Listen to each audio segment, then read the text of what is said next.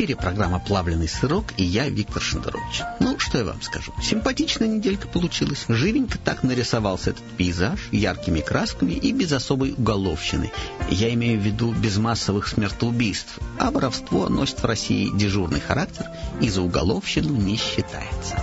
Ну, обо всем по порядку. Начнем с нацпроектов. Жилье, образование, демография – все это многие годы катилось под откос – пока в конце 2005-го не было взят под личный контроль вице-премьера и по совместительству главы «Газпрома» Дмитрия Медведева. С тех пор Медведева показывают в новостях по всем телеканалам круглые сутки. Уж он и там, и сям, и где не появится, там расцветает благоденствие. На минувшей неделе приехал он с докладом в Госдуму, и, судя по теленовостям, ничего важнее этого номенклатурного эпизода в жизни страны в тот день не было. В общем, не знаю, как там насчет жилья образования, а медведевский рейтинг за этот год поправился существенно. В 2005-м его раба Божьего и в первой пятерке политиков не было, а в 2006-м твердое второе место, которое на самом деле первое, потому что бог солнца Ра Владимир Владимирович в нашем Египте идет вне конкурса. В общем, так Медведев за 2006 хорошо взошел, что в 2007 его первым делом повезли на смотрины в Давос. Вообще туда уже много лет ездили наши бизнесмены, но времена изменились, и те, которые не в Краснокаменске, решили не искушать судьбу и не раздражать Отечество самостоятельным интересом к Западу. Вместо них среди деловой элиты мира два дня дефилировал туда-сюда вице-премьер Медведев. Мол, свой я, ребята, свой, привыкайте помаленьку. Его конкуренты по номенклатурному Олимпу тоже лапу не сосали. Вице-премьер Иванов из телека не вылезает, обложился деятелями культуры, чуть не победил Грузию и постоянно делает замечания блоку НАТО. Так что кому из них в восьмом году ляжет карта России, пока неизвестно. Или, вырвавшись на финишной прямой мимо лобного места, первым в Спасские ворота прорвется еще кто-то из когорты допущенных к главному телу страны. Не знаю, возможно и это. Само тело пока темнит и ясности в исход забега не вносит. Конечно, мне бы очень хотелось, чтобы будущий глава государства продолжил ту политику, которая проводилась в последние годы. Уверен, что граждане России, наши люди смогут отличить порядочного и надееспособного человека от болтунов, краснобаев и бездельников. Раньше я полагал, что болтуны, краснобаи и бездельники – это одно и то же но, судя по всему, это три разные конкурирующие группы, хорошо известные президенту России. Ему же, кажется, известно имя и этого самого порядочного и дееспособного, на которого в свое время по знакомству и будет нахлобучена шапка Мономаха. Кто именно это, гадать не берусь. Претендентов там наверху как собака, а вот насчет порядочных и дееспособных, ну, не знаю, может, выпишут откуда-нибудь. Впрочем, не наше собачье дело. Ближе к восьмому году в любом случае скажут, за кого проголосовать. Уж это дело точно на самотек не пустят ибо главный нацпроект в том и заключается, чтобы передать власть своим и по-тихому свалить на хорошую углеводородную должность с гарантией неприкосновенности. Именно этому и будут посвящены последние два года работы кремлевской администрации. Тему национальных проектов завершит мой друг, поэт-правдоруб Игорь Иртенев. Сколько их? Зачем их гонят? Почему о них трезвонят целый день с утра до ночи, гражданам мозги долбя? Может, в этом план секретный, или кто-нибудь конкретный наварить на этом хочет, профит ищет для себя. Но не слышу я на это полноценного ответа, что приводит к усилению беспокойства моего. Лично я подозреваю, что завеса дымовая для обмана населения здесь, и больше ничего. Операцию прикрытия чует здесь мое наитие. Всем знакомы эти лица, да и замысел не нов. Два преемника, два вица. Каждый первым стать стремится, от усердия весь дымится, вылезая из штанов. Иванов или Медведев? Кто из них кого объедет, на кривой козе к победе понесясь во весь опор? Только всем давно известно, с пауками в банке тесной быть борьбы не может честной. Никогда. Он эвермор. Вы слушали обратный перевод с английского русской народной песни «Черный ворон, что ж ты вьешься над моей головой». Если с нацпроектами понятно, перейдем к обороноспособности. За выращивание конопли осужден член экипажа атомной подлодки Дмитрий Донской, проходящий в настоящее время модернизацию. В ходе следствия было установлено, что матрос Панов выращивал коноплю в цветочных горшках на подоконнике в береговой казарме, где живут подводники. Он был задержан сотрудниками правоохранительных органов во время сбыта зелья своему сослуживцу, сообщает Интерфакс. О, а я все думаю, что это у них ракеты не летают? С этого самого Дмитрия Донского уже три булавы вернулось в океан. А у них, оказывается, урожай конопли в казарме. А, кстати, неплохая идея. Вместо того, чтобы вгрохивать миллиарды долларов в эту, признаться, малолетучую хреновину, может просто засеять коноплей генштаб?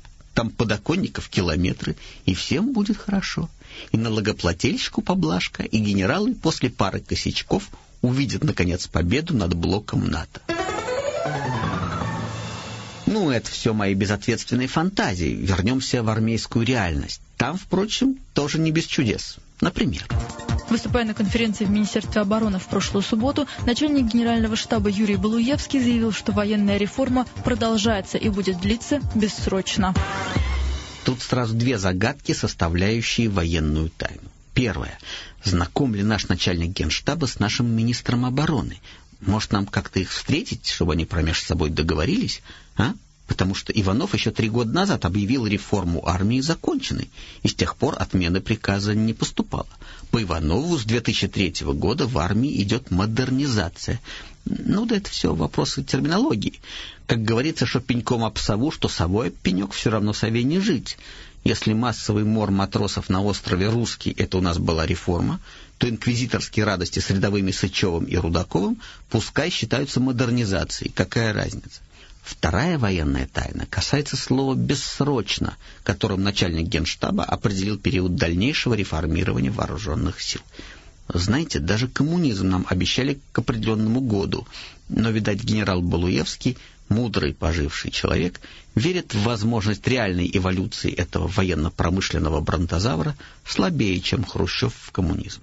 Впрочем, все это, конечно, не повод, чтобы отказываться от новых рубежей финансирования.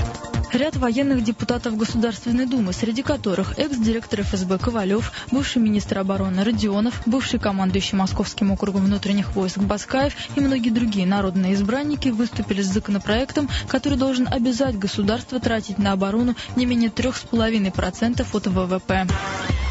Услышав это чудесное предложение, любознательные журналисты взялись за калькуляторы и быстро выяснили, что генералы просят у нас сущую мелочь, какой-то, смешно сказать, 41 миллиард долларов в год. Грех не дать, я считаю, если есть. Это, правда, на 5 миллиардов больше, чем просят у китайского налогоплательщика китайские генералы, при том, что китайская армия в два раза больше нашей, и ест средний китайский солдат существенно лучше нашего салаги-доходяги. Даже не знаю, как разгадать эту арифметическую загадку и чем объяснить разброс цифр. Может, тем, что в Китае за коррупцию расстреливают на площади, а у нас входят в долю? Как вы думаете? Кстати, о коррупции. Впрочем, это у нас всегда, кстати. Про что ни начни рассказ, в одно касание выйдешь на гоголевского Городничего, не пропускавшего того, что плывет в руки. Конец цитаты. Прокуратура Ханты-Мансийского автономного округа возбудила уголовное дело против заместителя главы города Нефтеюганска Киселева. Киселев обвиняется в получении взятки. СМИ напоминают, что год назад бывший мэр города Ткачев был условно приговорен к четырем годам лишения свободы условно. Я думаю, это климат. Ну, место такое. И вообще, если в самом названии города фигурирует слово «нефть», как даже смешно полагать, что эта нефть не начнет рано или поздно затекать в рукава к начальникам. А впрочем, Россия вообще щедрая душа. По отношению к начальникам, разумеется, и безо всякой нефти. В открытом письме к жителям Ставрополья жена губернатора региона Черногорова рассказала в частности о том, как руководитель региона тратил тысячи долларов на покупку бильярдных киев и испытывал нездоровую страсть к роскошным автомобилям. По словам Ирины Черногоровой, в понастроенных в соседнем дворе гаражах стоят самые престижные модели вплоть до Бентли. Конец цитаты. Дружите с женами, губернаторы, вот вам мой совет. Либо сразу молилась ли ты на ночь, любительница открытых писем, и это самое ее в превентивном порядке. А то ведь как начнет рассказывать, причем, что самое неприятное, правду, причем перед выборами. А Черногоров, разумеется, возглавляет список «Единой России», который у нас кто? Правильно, главный борец с коррупцией. Накладочка получается. Конечно, прокуратура могла бы безо всяких выборов поинтересоваться у губернатора, с каких это средств у него образовались гаражи с коллекциями иномарок. Но тут имеется важная подробность. Черногоров был переназначен на пост главы региона лично Владимиром Владимировичем Путиным, который у нас борьбу с коррупцией возглавляет, начиная с Байкал Финанс Групп. Ну, вы помните. Так что не требуйте от прокуратуры невозможного. В этой маленькой ставропольской истории, как в капле воды, отразилось то счастливое положение, в котором оказалась Россия в начале 21 века. Какое счастье, что российские власти догадались своевременно решить проблему политической конкуренции, затоптав все более или менее крупное и независимое и выпустив на арену карликов из собственного зоопарка. А то было бы у нас сейчас, как в какой-нибудь богом забытой Швеции.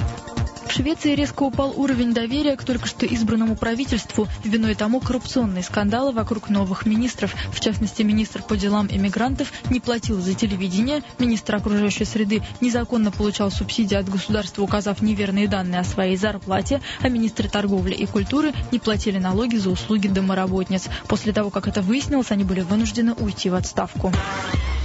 Видите, до чего доводят людей неуправляемая демократия с реальной политической конкуренцией и свободной прессой? За неуплаченный налог на услуги домработницы теряет кресло министр торговли.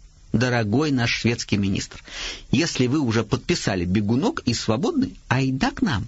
За небольшие деньги встроим вас в нашу вертикаль, будет у вас и Бентли в гараже, и котлеты денег по карманам, и никто слова не скажет. Единственное требование – вы должны начать любить Путина. Извините, это не обсуждается. Начинайте прямо сейчас. Вот как будете готовы, дайте знать, я вам все устрою. Про исполнительную власть рассказали, поглядим, что там у нас на охотном ряду. А там на охотном ряду, братцы мои, неуклонное повышение дисциплины. Кодекс парламентской этики подготовлен и будет разослан депутатам Государственной Думы в ближайшее время. Как заявил председатель Думской комиссии Геннадий Райков, в кодексе будет предусмотрена возможность лишать депутата зарплаты за непосещение пленарных заседаний. Если за сессию депутат без уважительной причины пропустит более 30% заседаний, у него удержит 25% зарплаты. За пропуск половины заседаний – половину зарплаты, а за пропуск 70% заседаний – всю зарплату. Страшная угроза. Они там рыдают в настоящее время. Сидят где-нибудь в закрытом клубе за вискарем и плачут. По данным экспертов, один средненький депутатский запрос в Госдуме этого созыва стоит не меньше 7 тысяч долларов. Запросы в Генеральную прокуратуру стоят еще дороже, а за протекцию в Комитете Госдумы депутат получает откат в размере 10% от финансового выигрыша заказчика, а суммы там 7-8 значные и в долларах. В общем, ударили им рублем по зарплате, напугали ежа голой жопой. Да, не забыть бы отдельно предупредить об опасности депутата от ЛДПР Киримова. Он тут в процессе законотворчества пару месяцев назад разбился в Ницце на Феррари, ну вы помните. Но как раз на минувшей неделе по заявлению его пресс-службы вышел на работу, так что как бы ему не пропустить пленарное заседание, а то оштрафуют.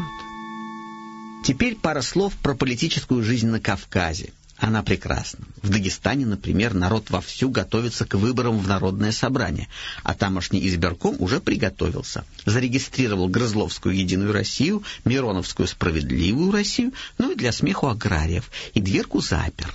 А КПРФ, Яблоко и СПС регистрировать не стал. И то сказать, все уже давно решено. Зачем понапрасну тревожить мозг избирателя? Ну, теперь оппозиция пойдет, конечно, искать справедливости в суд, и суд им этой справедливости отсыпет сколько хочешь. Сначала налево, потом направо. Вот же судьба индейка, а? Одни хотят поучаствовать, а нельзя. А другой сам не понимает, как попал в политику. Президент Чечни Алу Алханов заявил, что не хочет быть президентом республики по истечении в 2008 году своего срока на этом посту. В интервью газете МК, опубликованном в минувший вторник, Алханов заявил, «Кстати, я никогда не собирался становиться президентом Чечни. Просто так вышло». Конец цитаты. Так вышло у него. Кстати, типичный случай для нашей местности. Путину весной 99-го, если бы кто-нибудь про шапку Мономаха рассказал, он бы только чистыми руками за холодную голову схватился. С Алхановым тот же несчастный случай. Шел по Грозному, поскользнулся, упал, потерял сознание, очнулся президент. О развитии событий, как всегда, расскажут газеты 2017 года, обзор которых предоставило агентство на голубом глазу. Интересный случай произошел с чеченским мальчиком Алло Алоевым и его семьей, пишет научный журнал «Аномальные будни». Абсолютно случайно Алло Алоев стал президентом крупной корпорации. Его брат случайно стал министром, а их 90-летняя бабушка тоже случайно самой высокооплачиваемой топ-моделью республики. На вопрос корреспондента, как это произошло, Алоевы честно ответили «так вышло». Вновь увеличено финансирование Министерства обороны, пишет гламурный боевой листок «Казарма Life». Дополнительные 200 миллиардов долларов из бюджета позволят серьезно улучшить условия сурового армейского быта, обновить отопительную систему плаца, заменить французские обои в казармах на итальянский кафель и заказать титановые лезвия для чистки фарфоровых писсуаров. Цех клонирования власти, построенный в рамках национального проекта «Наследник», выдал первую продукцию, сообщает издание «Вертикаль Инфо». С конвейера цеха сошли, поговорили по-немецки, покатались на танке и поцеловали в пузико проходящего мимо ребенка 10 улучшенных моделей образца Владимир Вечный. Эксперты полагают, что в ближайшие 80 лет власть в России опять не достанется болтунам, краснобаям и бездельникам. Вернемся, однако, в нынешнюю реальность и посмотрим, что там у нас с нравственностью. Она ж падала все время, но больше ей никто падать не позволит. Кажется, нравственность попала, наконец, в умелые государственные руки. Как сообщила газета «Коммерсант», издательский дом Родионова проиграл в суде четырехлетнюю тяжбу по поводу рекламы в журнале «Мулен Руш» с изображением полуобнаженной модели. В своем решении суд опирался на определение Управления Федеральной антимонопольной службы, которая признала рекламу журнала неэтичной, руководствуясь цитатами из Библии и Корана. Когда государственные органы начинают принимать решения на основе Нагорной проповеди и сур Корана, гражданам этого государства полезно умыться с утра пораньше на холодке, проснуться хорошенечко и поинтересоваться названием страны и веком, в котором происходит дело, потому что эдак однажды можно проснуться и в Иране, или в Европе, но такой с дымком, при Святой Инквизиции – а вообще отличная логика. Мусульман и ортодоксов, стало быть, оскорбляет вид обнаженного женского тела. Так запретить это дело всем. Отлично, но почему только обнаженку в журнале «Мулен Руж»? Будем последовательны, опечатаем Пушкинский музей. И потом, почему надо ограничивать себя только двумя религиями? У нас все религии равны. Иудеев, скажем, оскорбляет некошерная пища. Давайте закроем рестораны. И чтоб по субботам метро не ходило. Гулять так гулять. В общем, в борьбе за нравственность открываются большие перспективы. И напоследок страничка занимательной истории. Никелевый олигарх Прохоров прокомментировал, наконец, недавнюю занимательную историю с Куршевельским арестом. Ну, вы помните, леонская полиция пыталась понять, зачем ему 16 девочек эскорта, и все ли они любят его общество бесплатно. И вот какие глубокие мысли высказал по этому поводу сам олигарх Прохоров в интервью «Комсомольской правде». Знаете, российские люди после многих лет унижений и трагедий заслужили право на красивую и веселую жизнь. Конечно, жаль, что не все себе это могут позволить. Конец цитаты. Да, знаете, не буду от вас скрывать, еще не все могут позволить, еще не все. Но почитаем дальше, там еще интереснее. Корни некоторых проявлений пренебрежительного отношения французов к россиянам как к варварскому народу следует искать в истории наполеоновских войн, когда Франция, униженная поражением в войне с Россией, создала целую серию анекдотов о вошедших в Париж диких казаках, якобы питающихся стеариновыми свечами. Конец цитаты. Ну, я так и знал. Дело вовсе не в русских оргиях и не в бесстыдстве Нувариши, нет. Это французы мстят за Наполеона. Да-да, особенно сильны эти настроения в леонской полиции. Они там тайно собираются под портретом императора в 12 часов по ночам и до утра думают, как бы им побольнее унизить Россию. Согласитесь, в это легко поверить, особенно будучи читателем «Комсомольской правды». Счастья вам!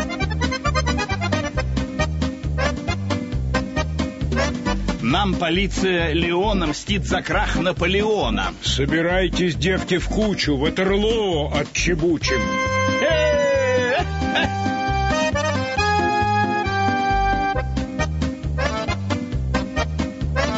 Наконец, у нас реальный есть проект национальный. Ни жилье, ни оборона. Ищем свежий зад для трона.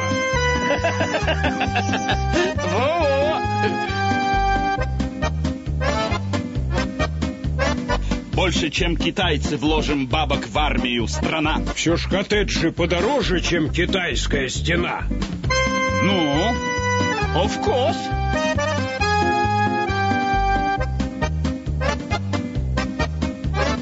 Тяжело служить в подлодке три годка без баб и водки. Уродилась она ша, стала служба хороша. Эй, ша,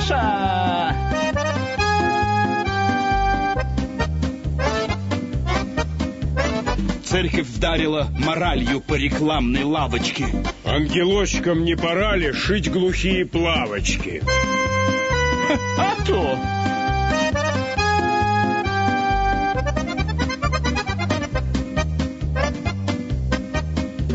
Швед-министр копейку спер. Трикрунур кричит «Позор!» Чтобы стать солидным вором, надо жить под триколором.